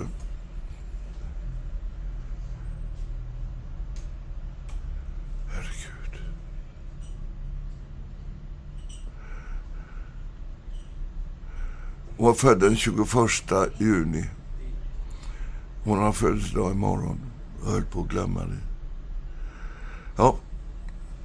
Några dagar före sin födelsedag så gick hon bort. Det präglade naturligtvis Stina som mitt förhållande. Va? Vi älskade eh, eh, Ylva bägge två. Stina hjälpte Ylva jättemycket. Men man kan också säga att, att Ylva låg till början av vår av vår, eh, vårt förhållande som pappa och dotter emellan oss. Var, hon tog sig jättemycket intresse. Bara alldeles nödvändigt. Vi kämpade som djur i 17 år för att rädda livet på Ylva. Och misslyckades med det. Så varför jag berättar detta är för att säga att det underbara uppstår. Att efterhand så stiger ett nytt förhållande mellan Stina och mig fram. Va? När, när Stina börjar få fast grepp om sitt konstnärskap. När hon börjar förstå konstnärskapets problem när det gäller att ha barn. Va? Vad, vad, vad, vad, vad man måste offra, så att säga, för att vara konstnär. Allt detta, när vi kunde ut, ringa till varandra och tala med varandra utan att det var något särskilt. Då uppstod ju en helt annan, någonting helt annat, nytt. Ja, det växte ju fram, det kom inte plötsligt, utan det växte långsamt fram. Mm. En relation som är naturligtvis far och dotter, men väldigt lika mycket eh, livskamrater på något sätt. Mm. Alltså att vi delar, vi, vi delar våra liv. Så vi, det, det, det har bara blivit bättre och bättre tycker jag. Mm. Och, och, när jag ser henne ta sina initiativ och gå vidare i livet så blir jag ju jätteglad. Va? Och jag känner att hon att hon, lite av den styrka hon har, har hon fått av mig. Det, jag ska inte påstå att, att hon har fått sin styrka av mig, utan hon har fått lite av det. Jag tror inte föräldrar kan tala om för barnen vad de ska göra när de är gamla nog, utan de kan bara vara föredömen, tror jag, på ett hyggligt, på ett hyggligt sätt. Va? Och så genomför hon det som jag aldrig lyckats genomföra. Nämligen sitt måleriska projekt. Hon, mm. Har du sett några av hennes mm. tavlor? Jag följer henne på Instagram. Ja, det är bra. Mm. Uh, vad tycker du? Jag tycker hon är jätteduktig. Hon verkar väldigt sympatisk framförallt. Väldigt härlig och... Ja, hon är härlig. Jag, jag, ska, faktiskt, jag ska faktiskt intervjua henne i höst. Ja, det gör du rätt i. Mm. Jag ska hälsa från dig. ja, jag ska prata med henne ikväll och tala om att jag har gjort det här. Med ja, vad fint. Vad fint. Vi, vi, eh, hon kommer ner här lite senare i, i, i sommar. Ni har mycket kontakt? Ja, det har vi. Hennes dotter Lisa, min äldsta dotterdotter, mm. var här tills, eh, för ett par dagar sedan. Så, så hon, vi, vi har mycket kontakt. Man Men måste... jag har det med alla mina barn. Jag förstår. Jag förstår. Man ska inte favorisera, det har du helt rätt i. Nej, Men, men, men det, det, det är ingen som ser det som det heller. Nej, det- För det är olika. såklart. Eh, den som har haft en viss favör det är ju Kalle. Som jag fick betydligt senare och då får jag ibland säga sen, Livet är inte rättvist. När jag fick Kalle då hade jag mycket mer gott om pengar och, och kunde göra grejer. Då köpte vi eh, landstället här och så vidare. Och så vidare. Men eh, vi måste ju faktiskt ändå dröja kvar lite vid Ylva och jag tänkte komma till det för att det är många som har, många är nyfikna på hur man som förälder går vidare när man har varit med om det som är alla föräldrars värsta mardröm. Hur, man har ju egentligen inget val, man måste gå vidare. Men hur, hur, gör man? Alltså hur funkar det liksom? Och hur lång tid tar det? Och, alltså, Jag har ju svarat själv, men man har inget val. nej. Jo, man har ett val. Man kan sätta sig ner och dö. Det är klart man kan göra det. Och det känns som man skulle vilja göra det också. Därför att detta att förlora sitt barn är en perversitet, tycker jag. Barn ska begrava sina föräldrar och inte tvärtom. Det kan vem som helst inse. Med Ylva är det så att vi fick ett liv tillsammans. Det, det var inte så att hon rycktes bort utan att vi hade kunnat vara, leva tillsammans. Det, det var inte så.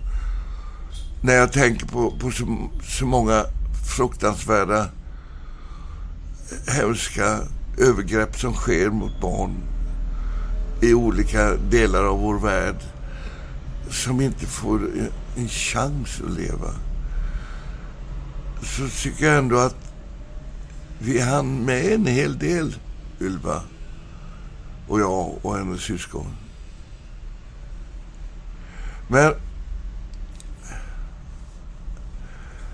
hur gör man? Jag tror inte på att det finns några ord.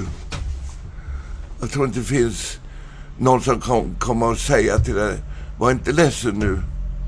Det här går över. Nu sjunger vi en psalm. Eller något sånt där. Eller det eller det. Ord hjälper inte. Det finns inte en människa som kan ge mig tröst. Det finns ingen tröst att förlora sitt barn. Jag tror inte det finns någon tröst att förlora någon människa som står dig nära. Jag ser inte att det fanns någon tröst när vi veka gick bort år 2001. Men det finns en väg att gå, tror jag. Och det är att ta, ta Head over to Hulu this March, where our new shows and movies will keep you streaming all month long. Catch the award winning movie Poor Things, starring Emma Stone, Mark Ruffalo, and Willem Dafoe. Check out the new documentary, Freaknik The Wildest Party Never Told, about the iconic Atlanta Street Party. And don't miss FX's Shogun, a reimagining of the epic tale, starring Anna Sawai. So, what are you waiting for? Go stream something new on Hulu. sorgen på allvar. Ta in den i ditt system. Inte backa. Utan göra som pojken som plötsligt lärde sig att se trollen rakt i ögonen. Istället för att vika och springa sin väg. Se sin sorg i vitögat. Ta in den. Och låta den finnas där som en del av ditt liv resten av de dagar du har att trampa omkring. För jag, för jag tänkte komma till det, att du har ju dels förlorat Ylva och sen Viveka och jag tänker att sådana här tragedier som det ändå är, hur det formar en som människa. Får man ett annat perspektiv till döden eller är, blir det, eller Hur tänker du kring döden själv och så här? Jag är ju inte religiös vet du så att eh, jag ser jag, jag tycker inte om att bli gammal. Jo, jag tycker mycket om att bli gammal. eftersom alternativet är så förskräckligt. Ja, jag förstår. Alternativet är den svarta evigheten. Det finns ännu ingen som riktigt kan säga vad evigheten är för att ge en bra definition. Jag har försökt göra det i min senaste bok, den som heter Hon, han och döden.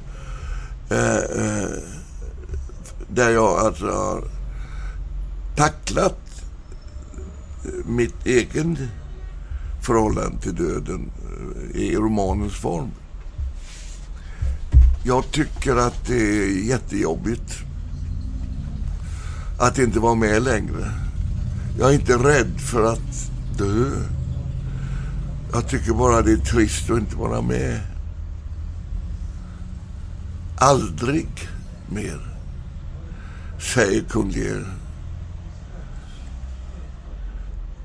om sin dotter Cordelia som ligger död framför honom. En hund, en häst, en råtta kan få leva. Men du får inte andas. Aldrig mer. Aldrig, aldrig, aldrig, aldrig, aldrig. Skriver Shakespeare.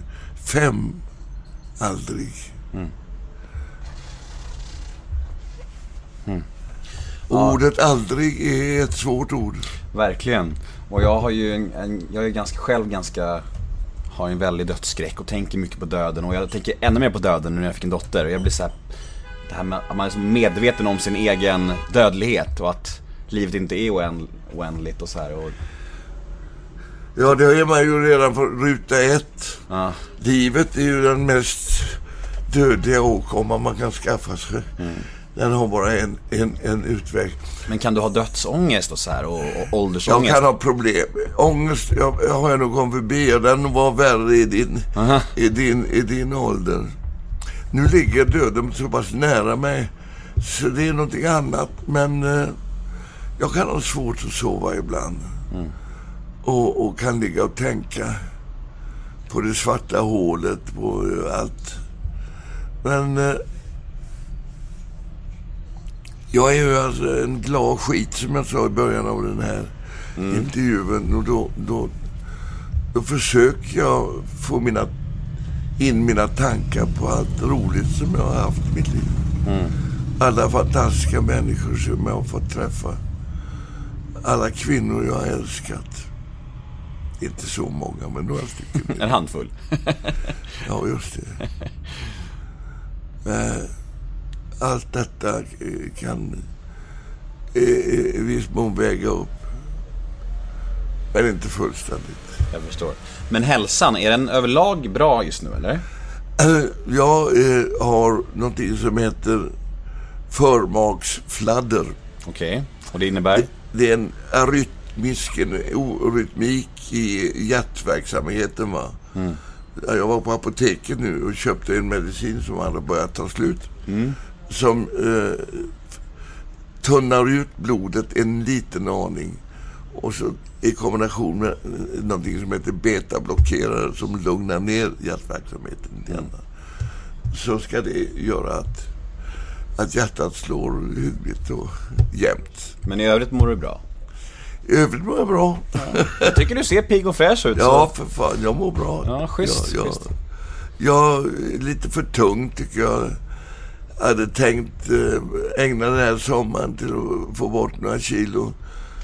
Men jag, det verkar som jag aldrig kommer till. Lättare sagt än gjort kanske. Ja, Mm, Det är fan svårt. Ja. Det, är, det är mycket, det är så kul att äta ju. ja det är så jäkla kul. Men annars då? När mår du som sämst annars? Vad får du liksom ångest av i livet? Så här, vad... Nej, jag, jag, jag, jag vet inte. Jag, jag tycker... Alltså, då kommer vi in på de stora politiska frågorna. Jag kan inte påstå att jag får ångest av den, den utvecklingen som världen går nu. nu. Eh, men du vet ju att jag är socialist och att jag följaktligen tänker mig en annan världsordning, en annat sätt att vara människor än det som, eh, som gäller nu för tiden. Nu gäller det att eh, de 15 rikaste familjerna i Sverige äger liksom eh, eh mer än hälften av den svenska, ja mycket mer än hälften av den svenska nationalprodukten. Att eh, ett hundratal av de rikaste familjerna i världen eh, äger mer än vad, vad halva jordens befolkning gör. Alltså det är sådana groteska ojämlikheter. Det är inte det att det är lite grann. Det här är värre än vad det var på Harun al-Rashids tid, de gamla araberna, de bodde i slott sånt där. Nu är det sådana förfärliga ojämlikheter. Samtidigt så händer det någonting. Så att det finns, det, finns ju färre fattiga nu än vad det gjorde för en del år sedan. Men de som är fattiga idag är in, in i bängen fattiga. Det finns sån orättvisa. Jag kan bli vansinnigt arg när jag tänker på det. Och när jag då ser hur de tjaf, tjafsar i, i, på Järvafältet var det sist nu. Tjafsar vill jag inte säga därför att en del eh, tycker jag sa eh, en del kloka ord. Ja, och, och inte ser att vi måste hitta ett, ett annat sätt att dela våra, våra tillgångar i det här landet. Mm. Jag vill ju förstatliga banker. Jag vill eh, förstatliga kommunikationer. Jag vill absolut inte ha massa privat, pri, privata grejer eh, som gör att, att eh, skolor och sånt där som gör att, att eh, som det händer nu, att man kan säga nej till eh, folk med sämre inkomster. Om, man, om du har en dyslektisk barn, vet du, och vill att den ska gå på en skola i Täby, eh, med, med, med eh, en, fin skola i Täby, så säger de troligtvis nej. Nej, vi har inte plats. Därför ett dyslektiskt barn, dyslektiskt barn kostar kanske dubbelt så mycket som ett annat barn. Med tanke på de hjälpmedel som man ska ha. Så är det.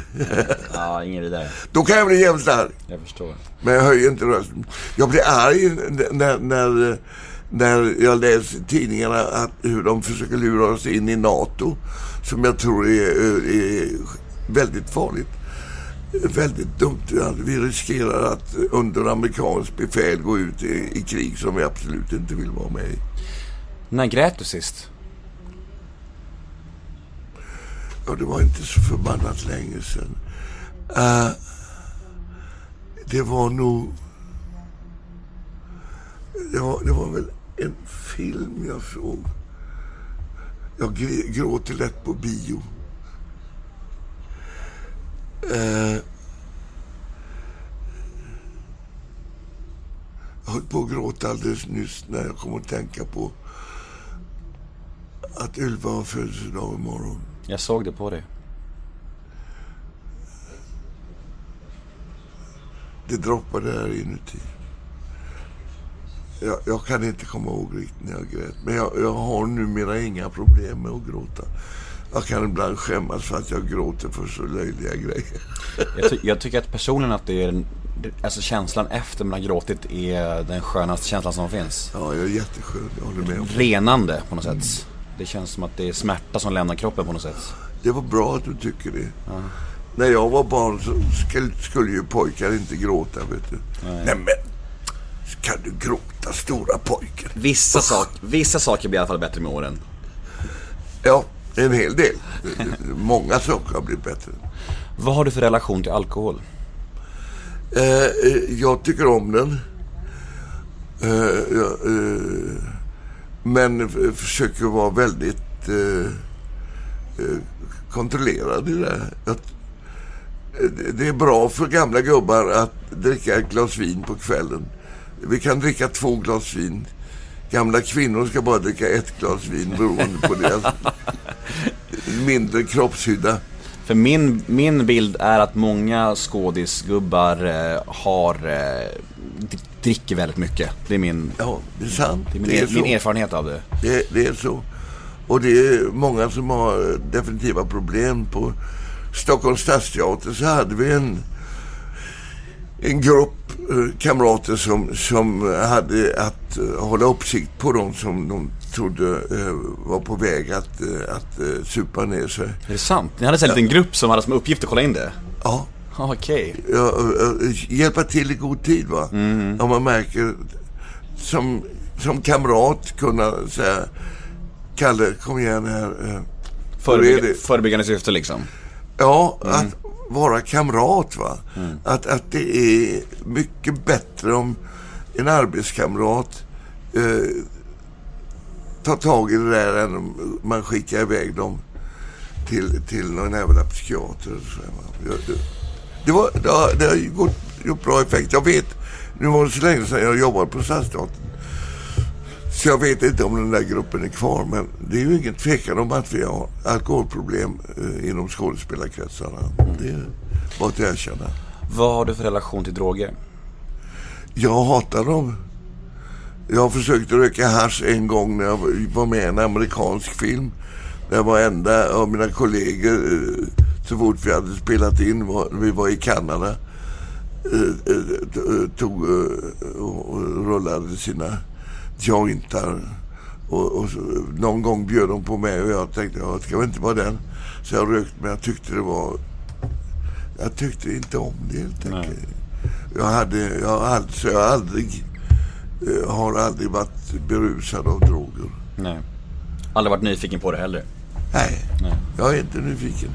Det är bara att titta på de som blir eh, berusade av droger. Hur det går för dem liksom. Så är det. Men, men det, eh, det finns ju problem i, i min omgivning som, som jag observerar. Jo men återigen branschen liksom. Det är så. Ja. Nej, och, och sen följde jag ju den här diskussionen. Vad var det? Jag hörde ett radioprogram där de diskuterade fall legaliseringen av, av eh, marijuana ändå inte eh, var positiv. För det var något land, vilket land var det? Där man hade gjort det, jag undrar för det var Portugal. Eh, när man hade gjort det och eh, man kunde alltså få köpa marijuana på apotek. Och där kunde man ha koll över att de bara kunde få ett visst gram, eh, ett visst antal gram eh, i månaden eller vad det nu var. Och, då, och då kunde, om man såg att det var någon eh, som hade problem med det där så kunde man genast sätta in åtgärder. Eh, jag vet inte. Det kanske är bra. Ja. Det är så svårt att uttala sig om det där. Jag har ingen, Jättesvårt. jättesvårt. Så jag, jag, jag väljer att passa på att uttala mig liksom. Ja, Det är så svårt tycker jag. Ja, ja, det gör jag också, men jag bara tyckte att det fanns någonting förnuftigt i det faktum att det finns eh, människor som kan ha lite koll. Precis. Ja, vi, kan ju, vi, kan ju, vi kan ju överlämna det till de som har koll. Ja, gör det. Eh, du, det här med offentligheten. Du har varit offentlig människa så himla länge. Eh, alltså, vad blir det? 60 år eller sånt här vansinnigt. Ja. Eh, hur, hur trivs du rollen som offentlig människa och känd som du ändå är? Har är det- är det endast positivt tycker du, eller hur? Ja, för mig har det varit i huvudsak positivt. Va? Begreppet kändis fanns inte när jag var eh, eh, när jag började. Det är lite, an, det är lite andra bullar idag alltså. Ja, kan man säga. När, när jag hade kommit in på elevskolan 1953 så fanns det en, en liten ungdomstidning som hette Fickjournalen. Den var, det var, den var liksom i A5-storlek sådär va. Och då kom de, jag har ju eh, inte varit, haft något förhållande till pressen. Eh, Då kom de och gjorde en intervju på, på oss alla. Vi var sex elever som hade kommit in på, på Göteborgs stadsteater då. Och så hade de en halv sida där det stod unga stjärnor och så ett porträtt och så lite grann några rader om var man kom ifrån. Då känner man, åh fan, jag är en ung stjärna. Så du är alltså ung stjärna, du är Sveriges sexigaste. Ja, fan vad du har fått bekräftelse genom åren då. Ja, jo, det kan jag inte klaga på. Ja. Nej. Nej, men, men, men det... Jag är en, en barnslig människa. Så här är det med, med det här yrket. Man blir inte skådespelare om man inte har, tror jag, någon liten exhibitionistisk ådra. Lite, nar- lite, na- na- lite narcissist så här, eller? Ja, jag vet inte vad det är narcissism. Det är, det är en psykologisk term som är lite värre. Va? Ja. Men jag tror att man, man har, har en, en, eh, en lust att visa sig, att stå där på sig. Har man inte det, då ska man nog gå in i industrin istället eller, eller, eh, eller ta några andra jobb. Så är det. För, för den där lusten. Jag är där, där är de, där är jag. De lyssnar på mig. Och jag, jag ska fånga dem nu. Nu ska jag ge dem en upplevelse. Och jag ger mig själv en upplevelse när jag ger dem. Hela det samspelet kräver ju en, en slags lust att folk ska tycka om en. Hela yrket går ju ut på att de ska gilla mig, de ska älska mig Så är det. Så, så kommer de tillbaka och tittar nästa gång. De ska hata mig när jag spelar någon roll som är värd att hata. Men de ska älska att jag kan göra den människan värd att hata. De ska älska mitt arbete och allt det här. Så jag har alltid bestämt mig för jag bestämde mig tidigt i samband med Hemsöborna 1965 när pressen började hänga i hasorna på mig att antingen så blir du Greta Garbo eller så håller du öppet. Och jag valde det senare. Greta Garbo låg inte för mig. Va? Jag, jag ville vara öppen. Jag är en vanlig glad skit som jag har sagt tidigare. Så jag ville gärna. Men samtidigt som det här skedde hade jag ju genomgått en politisk utveckling. Jag ville inte bara vara konstnär. Jag ville också försöka i, i, i ringa mån betyda någonting eh, i, i samhällsdiskussionen. Så då brukade jag säga till den pressen som ville intervjua mig, jo, för fan, kom igen. Men eh, ska vi prata skådespeleri och mig och sådär, så måste jag få prata lite politik också. Vad säger ni? Ja eller nej? Ja, du kräver det? Ja, ja jag kräver det. Ja, det vet jag inte för jag går med på. Jag vill ju bestämma vad jag ska... Ja, sorry, då blir det ingen intervju. För med mig är det så nämligen att jag bestämmer vad jag ska prata om. Du får fråga vad som helst och jag säger ja eller nej. Och är det nej så är det nej. Men jag vill också... det har sällan varit hårda bud. Det har varit hårda bud några gånger. Va? Alltså, jag tycker det, vi har en ömsesidig eh, glädje utav den här intervjun. Eh, och du har glädje av, du får ditt jobb gjort och, och du kanske kan göra en bra intervju som, som, ger dig nya intervjuer och så vidare. Jag vill också ha någonting utav det här. Jag vill inte bara vara en som ger, eh, som tar, jag vill, eller som ger, jag vill ta också. Helt rimligt. Ja, det tycker jag. Absolut. Och det har de allra flesta. Ja, Men det var en eller annan har sagt att jag måste tala med chefredaktören först. som var grymt alltså. Gör det. Men, men alltså, vi är gärna inne på det här med offentligheten. Då måste man ändå fråga, vilken tror du är den största missuppfattningen om dig? Ja... Missuppfattningar. Vad skulle det kunna vara? Har du upplevt att det finns vissa fördomar och förutfattade meningar om dig eller? Ja, alltså... Nu, nu är jag ju 83 år gammal. Men ett tag så var ju en, trodde ju folk att jag var en jävla kvinnokarl. Men Det trodde var, jag, det trodde jag faktiskt. Ja, ja, men det, det, det har jag aldrig varit. Jag, jag har inte varit någon, någon munk nej, långt därifrån. Jo, visst, jag har, har, har eh, fem barn med fyra olika tjejer alltså, så det är klart att jag, jag har inte varit en, en allt för, trogen människa. Men det har inte tjejerna heller varit. Jag har blivit lika mycket bedragen som jag har bedragit själv. Då så. Fair, fair enough. Fair enough. fair enough. Ja, precis. Du, jag har ett segment som heter ett ord om. Det går ut på att jag säger fem stycken offentliga människor i Sverige. Du ska säga det första ordet som kommer i ditt huvud när du hör det namnet. Fem kändisar kommer jag säga. Är du med? Alltså du säger fem kända namn. Precis. Som ofta brukar beröra, de brukar ofta uppröra känslor liksom. Och då ska du säga det första ordet som kommer i ditt huvud när du hör namnet. Är du med? Ja. Alex Solman. Eh, soffa. Marcus Birro. Kristet hyckleri. Sara Larsson. Affekterad.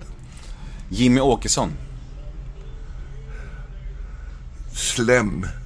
Leif GW Persson. God gubbe.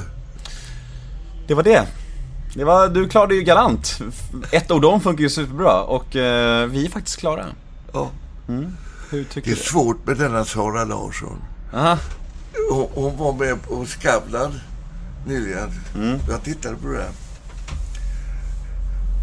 Jag hörde också hennes sommarprogram som hon hade för ett par år sedan. Som jag tyckte var jävligt jobbigt. På vilket sätt? Jo, det, äh, hon hade så rätt i så väldigt mycket. Men hon... Ja, hon föreföll mig så jävla högfärdig. Och, då tänk, och så får jag sådana problem med det. Därför att, varför har inte hon, skulle inte hon ha rätt att vara lite... eh, gå på i och sådär va. Så, så blir jag förbannad på mig själv. Eh, eh, och så kom jag då fram till att vad jag egentligen hade svårt för, det var hennes sätt att prata. Som jag tyckte var affekterat. Du, du blir arg på dig själv för att du reagerar på att hon tar mycket plats typ. Och, så här, och är väldigt ag- Ja, och jag aggressiv. vill att, och jag tycker att hon ska ta plats. Va? Ja. Eh, eh, och, och, och så jag blev förbannad på mig själv att jag, ty- att jag tyckte att hon var så in i helvete jobbig. Jag vet ju att hon får massa hatmejl va. Så jag vill verkligen inte ansluta mig eh, till det. Men hon har all rätt att vara precis som den hon är. Och, och så. Men, men, men jag upplevde affektering lite onaturligt alltså. Och det kan jag väl förstå med en ung tjej som, eh, som plötsligt kommer sig upp i ljuset. Hon har ju inte den, den, den erfarenheten, den, den, den lugna eh, grunden att stå på. Va? Så, så det kommer att ändra sig. Förmodligen. Förstår du vad jag menar? Jag förstår Nästan? exakt vad du menar. Eh, och jag tror att hon har tagit på sig, eh, hon tar ju på sig en stor roll liksom. Ja. Eh, eh, för, föregångsfigur för en hel rörelse liksom. Och det är, klart att det är inte helt lätt. Nej. Eh, så det är ju, det, det, är, Det är beundransvärt. det är det verkligen. Ja, men inte lätt. Det är Det är sant. jättesvårt. Du, vi är klara. Okej. Uh, jättetack för att du ville vara med. Ja. Det var, det var jättehärligt det här ju. Ja, Från pizzerian i Stenungsund. Det var ju perfekt ställe att göra det här på ett Tyck, sätt. det tycker jag absolut, det var jättemysigt.